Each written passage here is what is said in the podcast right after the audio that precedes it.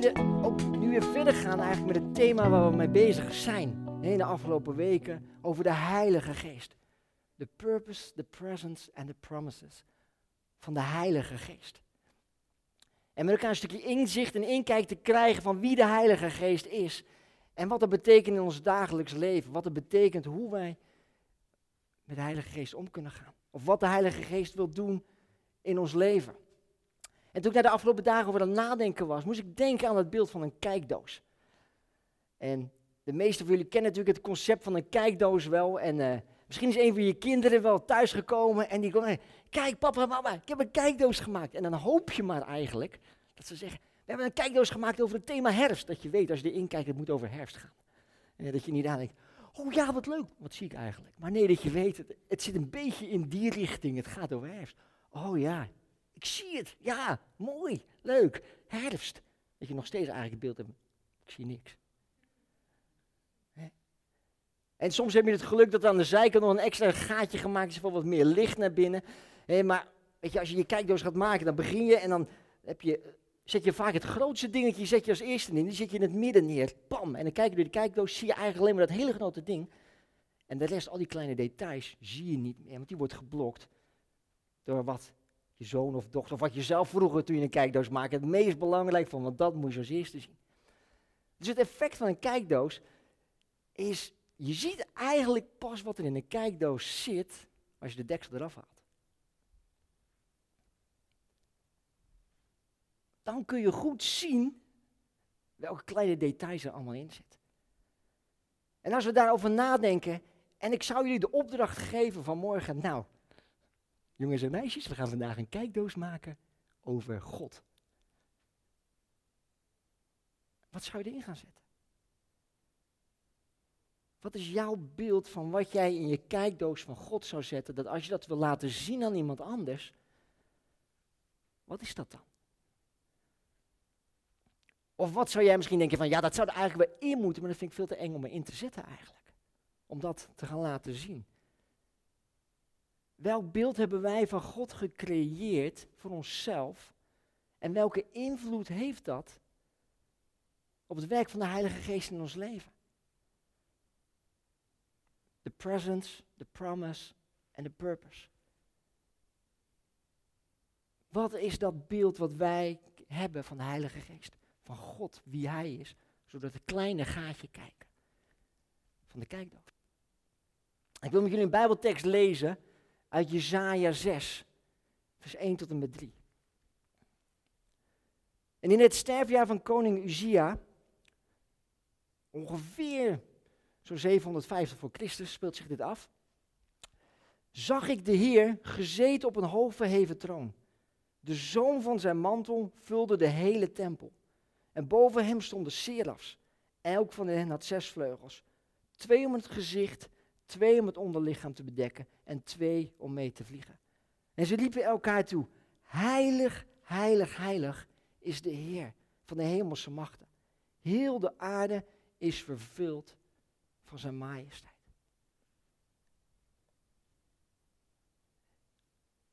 Koning Uzia was gestorven. Agas, zijn zoon, die werd op dat moment koning.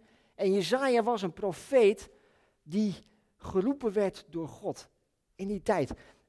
En het was niet meer een volk wat God diende, wat God volgde, zoals de koningen daarvoor, zoals koning David, koning Salomo. Nee, het volk was van God afgegleden. Ze waren verder van hem weggegaan.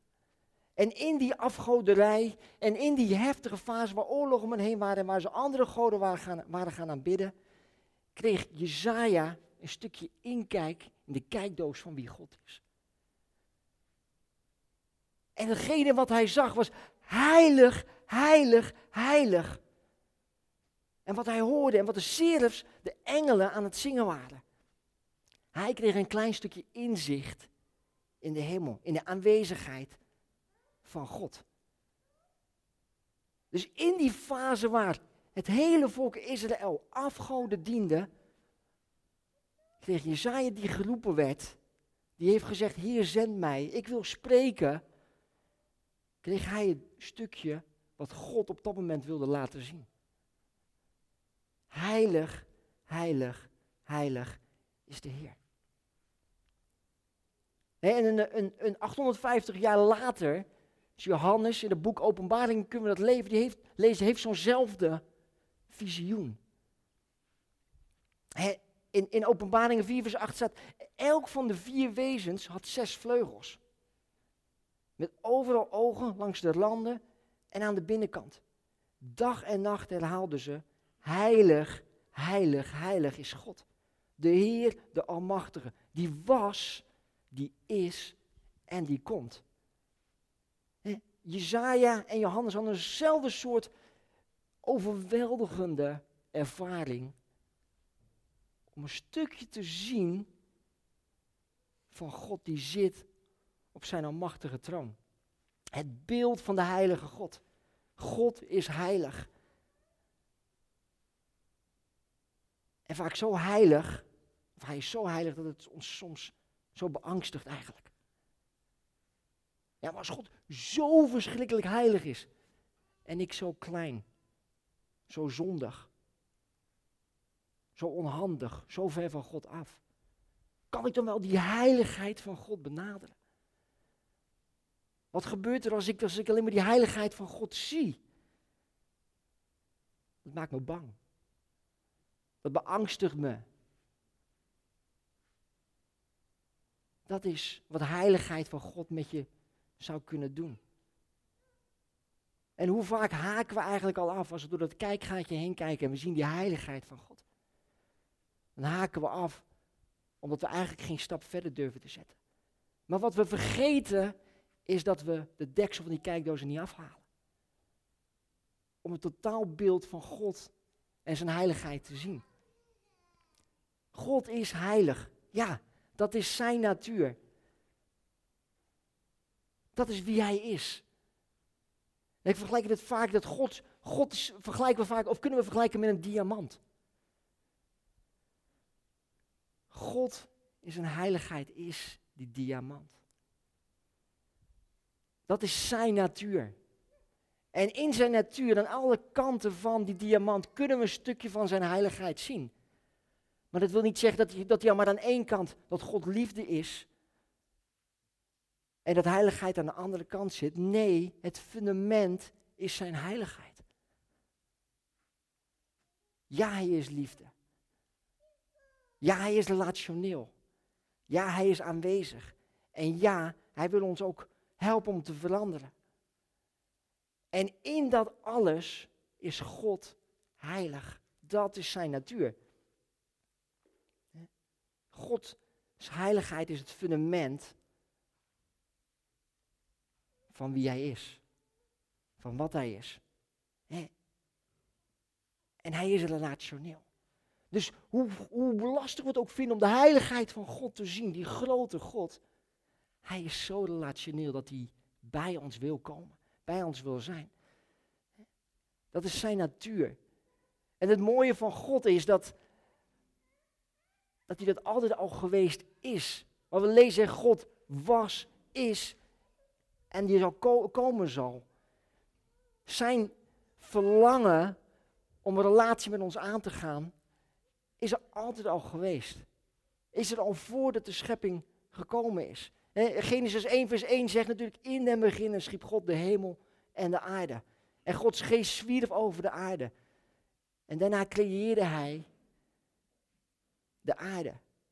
Maar dat is alleen maar het begin van wat hoe wij ons universum kennen. Maar dat is niet het begin van wie God is. God was daarvoor altijd al aanwezig. God in zijn drie eenheid. God de Vader, God de Zoon en God de Heilige Geest. Zij met hun drieën als eenheid, als heiligheid, waren relationeel met elkaar. Zijn relationeel met elkaar. Zijn vol liefde naar elkaar toe. er was geen egoïsme. Dus voordat de aarde gecreëerd werd, hadden zij, was er al het beeld van een normale relatie met elkaar. Ze eerden elkaar. En respecteerden elkaar. Werkten samen, deden alles samen in harmonie.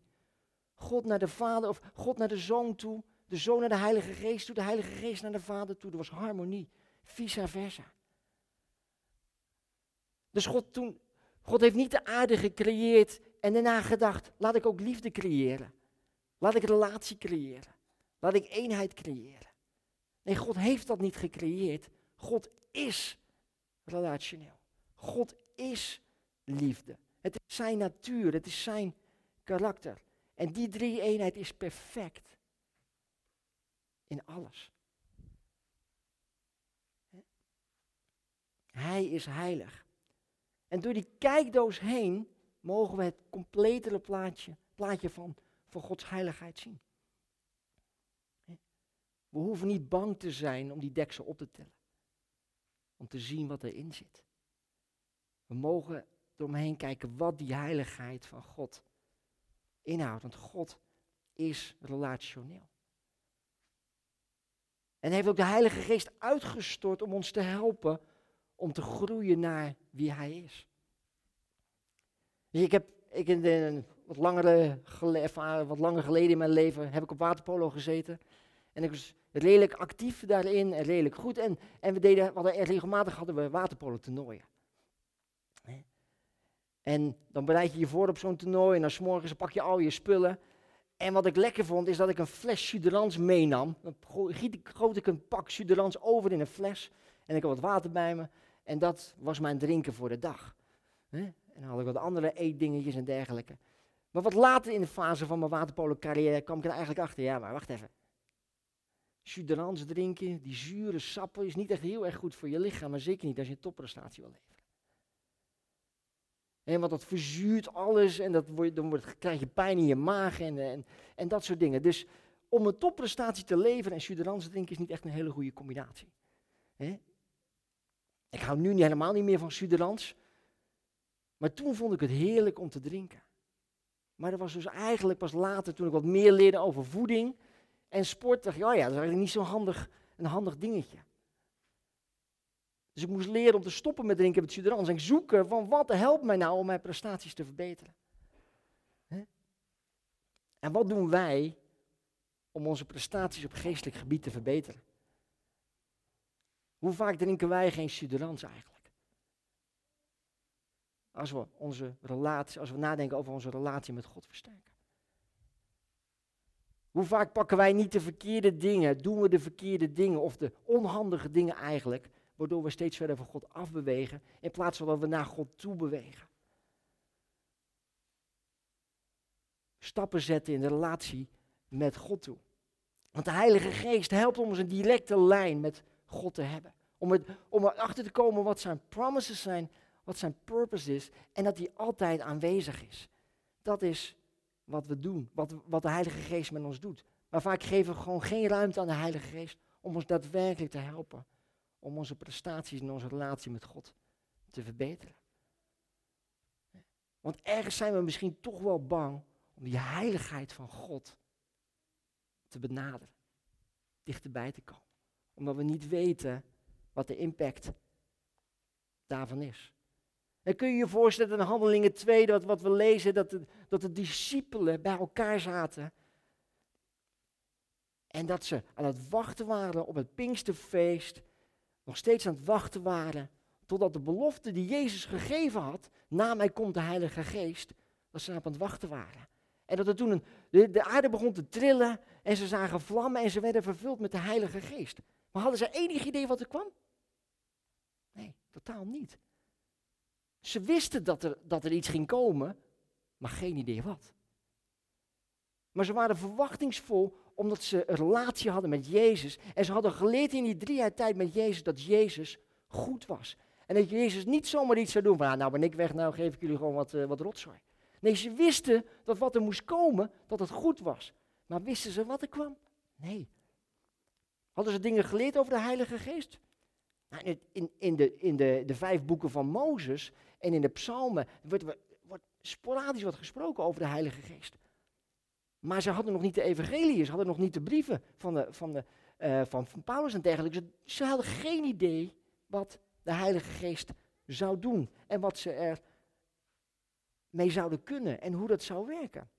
Maar ze waren verwachtingsvol om de Heilige Geest te ontvangen.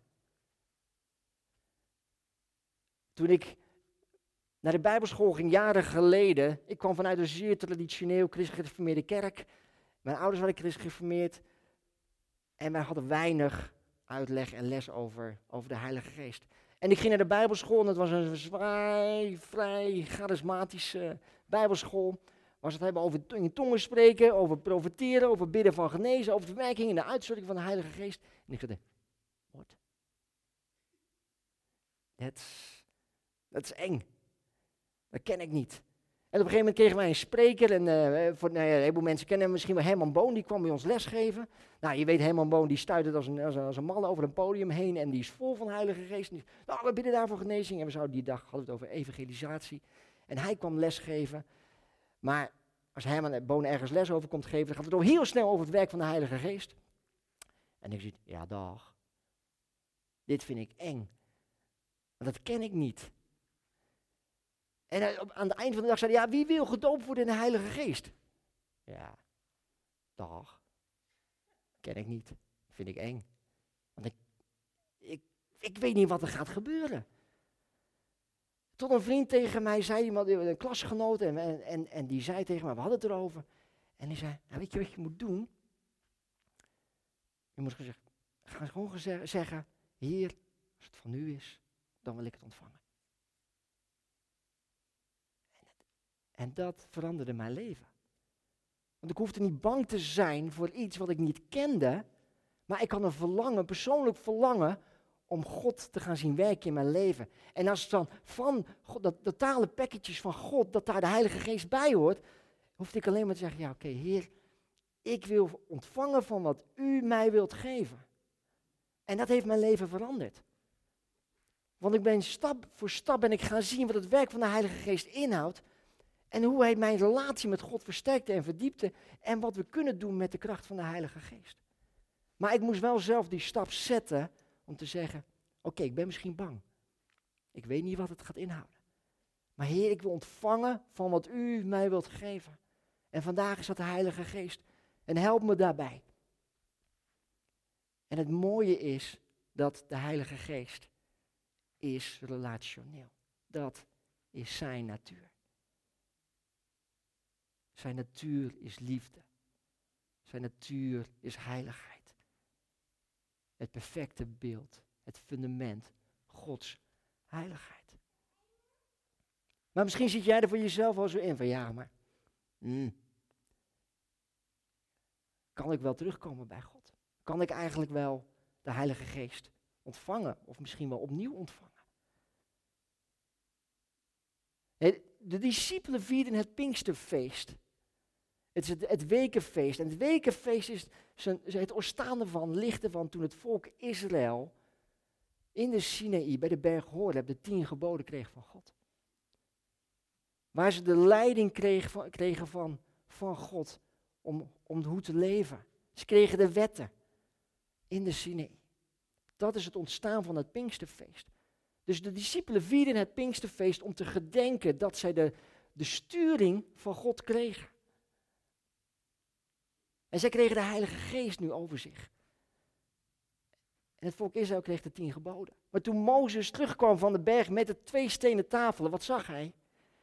Het volk Israël had niet kunnen wachten. Ze hadden een gouden beeld gemaakt. Ze waren van God los.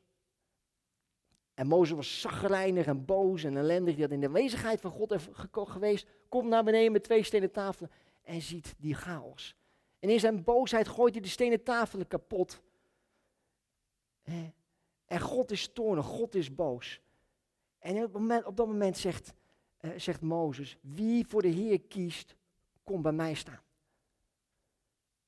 Er was een keuzemogelijkheid voor het volk Israël, die voor God los was, die, die het gouden kalf had gemaakt, die afgoden aan het dienen was. En het dienen waren en niks meer met God te maken wilde hebben, want ze wilden een tastbare God hebben.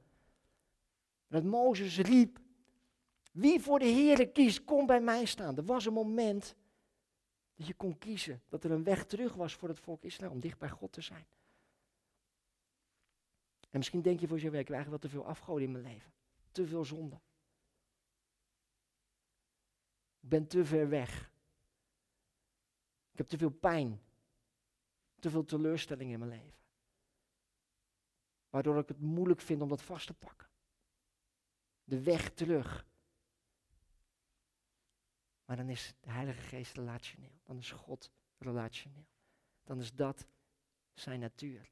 Je zegt nee, wie bij God wil zijn, kom. Kom aan deze kant staan. Kom terug. Niet te vele afgoden, niet teleurstellingen. Je kunt kiezen om terug te komen bij de Heilige Geest. Terug te komen bij de Vader. Dat is zijn hart. Dat is de diamant die God is.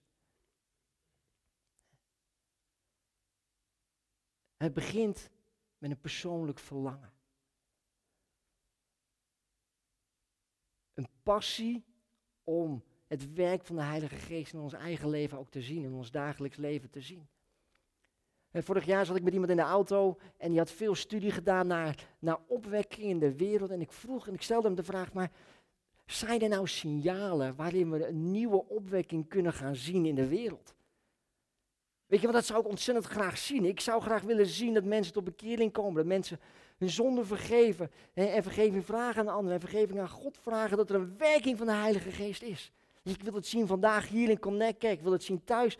Als je in je woonkamer zit om mee te kijken. Ik wil het zien hier in Ede. Ik zie, wil de opwekking zien in Ede.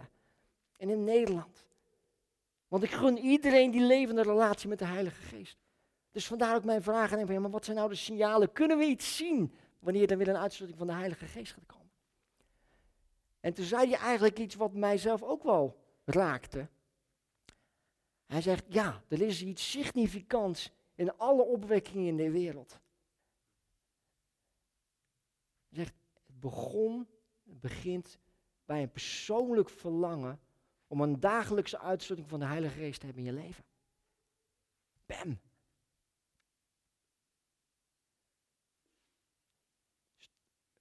Een opwekking in Nederland begint met een persoonlijk verlangen om een opwekking te hebben in je eigen leven. Om de werking en de kracht van de Heilige Geest te zien in je eigen leven en te zeggen, oh ja, hier, hier, ben ik. Stort uw geest in mijn leven uit. Ik wil vandaag uw Heilige Geest ontvangen. Met alle consequenties die dat heeft. En misschien ben je daar ook wel bang voor. Of terughoudend in. Want misschien weet je eigenlijk wel dat je dan moet stoppen met bepaalde dingen. Of dat je vergeving moet vragen aan iemand. Vergeving moet schenken aan iemand. Of vergeving moet vragen aan God.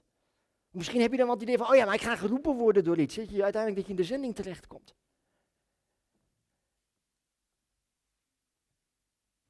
Die angst kun je hebben. Maar het mooie van God is, is dat zijn hart, zijn passie, is relationeel. De Heilige Geest is relationeel. Dat is zijn natuur, wat voor Genesis 1 er al was. En is en komen zal. Dus hoe zit dat bij ons? Willen we groeien in heiligheid?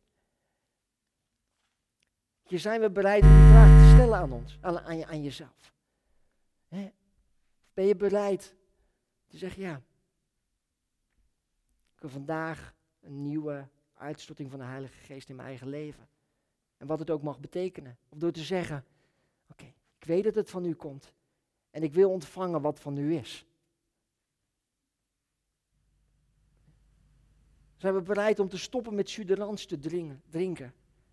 Maar ons te vullen met de Heilige Geest, wat onze relatie dichterbij, wat ons, wat ons dichter bij God brengt. Dichter bij zijn heiligheid.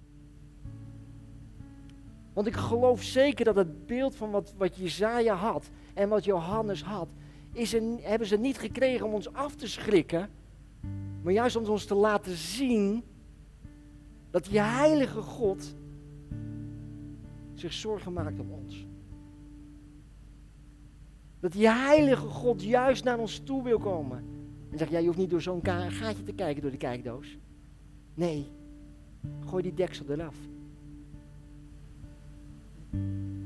Dat we stoppen om out of the box te denken, geval. Maar dat we er juist voor kiezen om onderdeel te gaan worden in die box. de heiligheid van Hem. Maar misschien ben je bang voor het onbekende. Misschien ben je bang dat je eigenlijk denkt, ja, er is geen weg terug voor mij. Zoals het volk Israël. Gods verlangen is vandaag bij jou te zijn. Om zijn Heilige Geest uit te storten. Om die terughoudendheid die je misschien ervaart, om die weg te nemen. Om jou onderdeel te laten zijn van zijn liefde, van zijn natuur, van zijn karakter.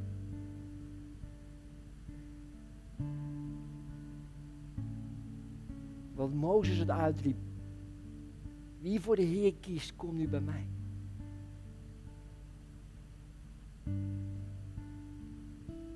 Dat is de oproep die God wil doen vandaag naar jou toe.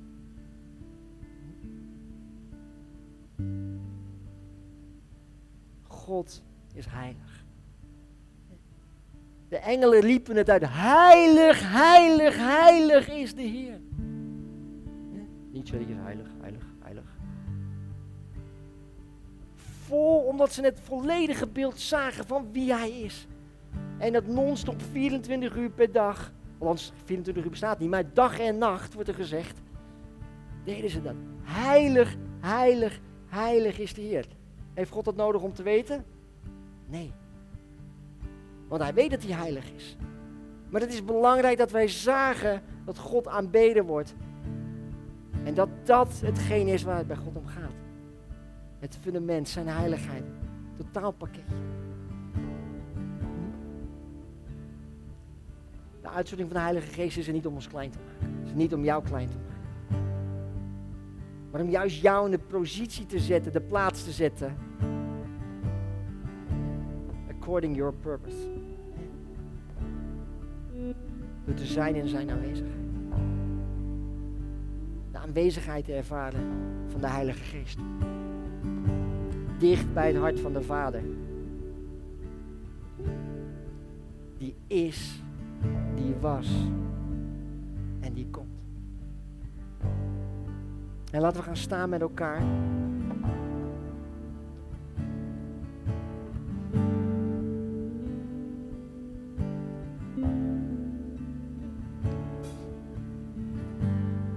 En laten we proberen die aanwezigheid op te zoeken. Het heeft niks te maken met dat God niet wil, want het is zijn verlangen. Dit huis is gevuld met zijn heerlijkheid. Dit huis is gevuld met zijn heiligheid. Jouw woonkamer is gevuld met zijn aanwezigheid.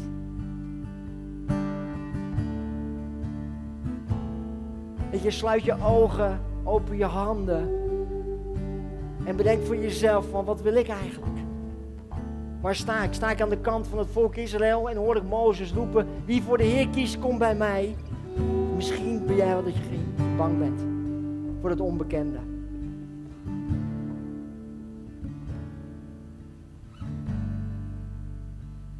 Zoals de discipelen misschien het onbekende niet wisten wat erin kwam.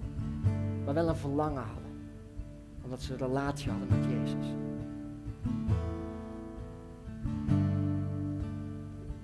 Je zoekt in je eigen hart, zoek in je eigen gedachten. En laten we de Heilige Geest ruimte geven om tot je te spreken. Om herstel te brengen. Om je te helpen die deksel eraf te halen. Dat je leert te kijken niet door het gaatje heen. Maar dat je een totaal beeld mag zien van die heilige God. Dat is ons verlangen vandaag. Startpunt mag zijn. Persoonlijke Pinksterdag.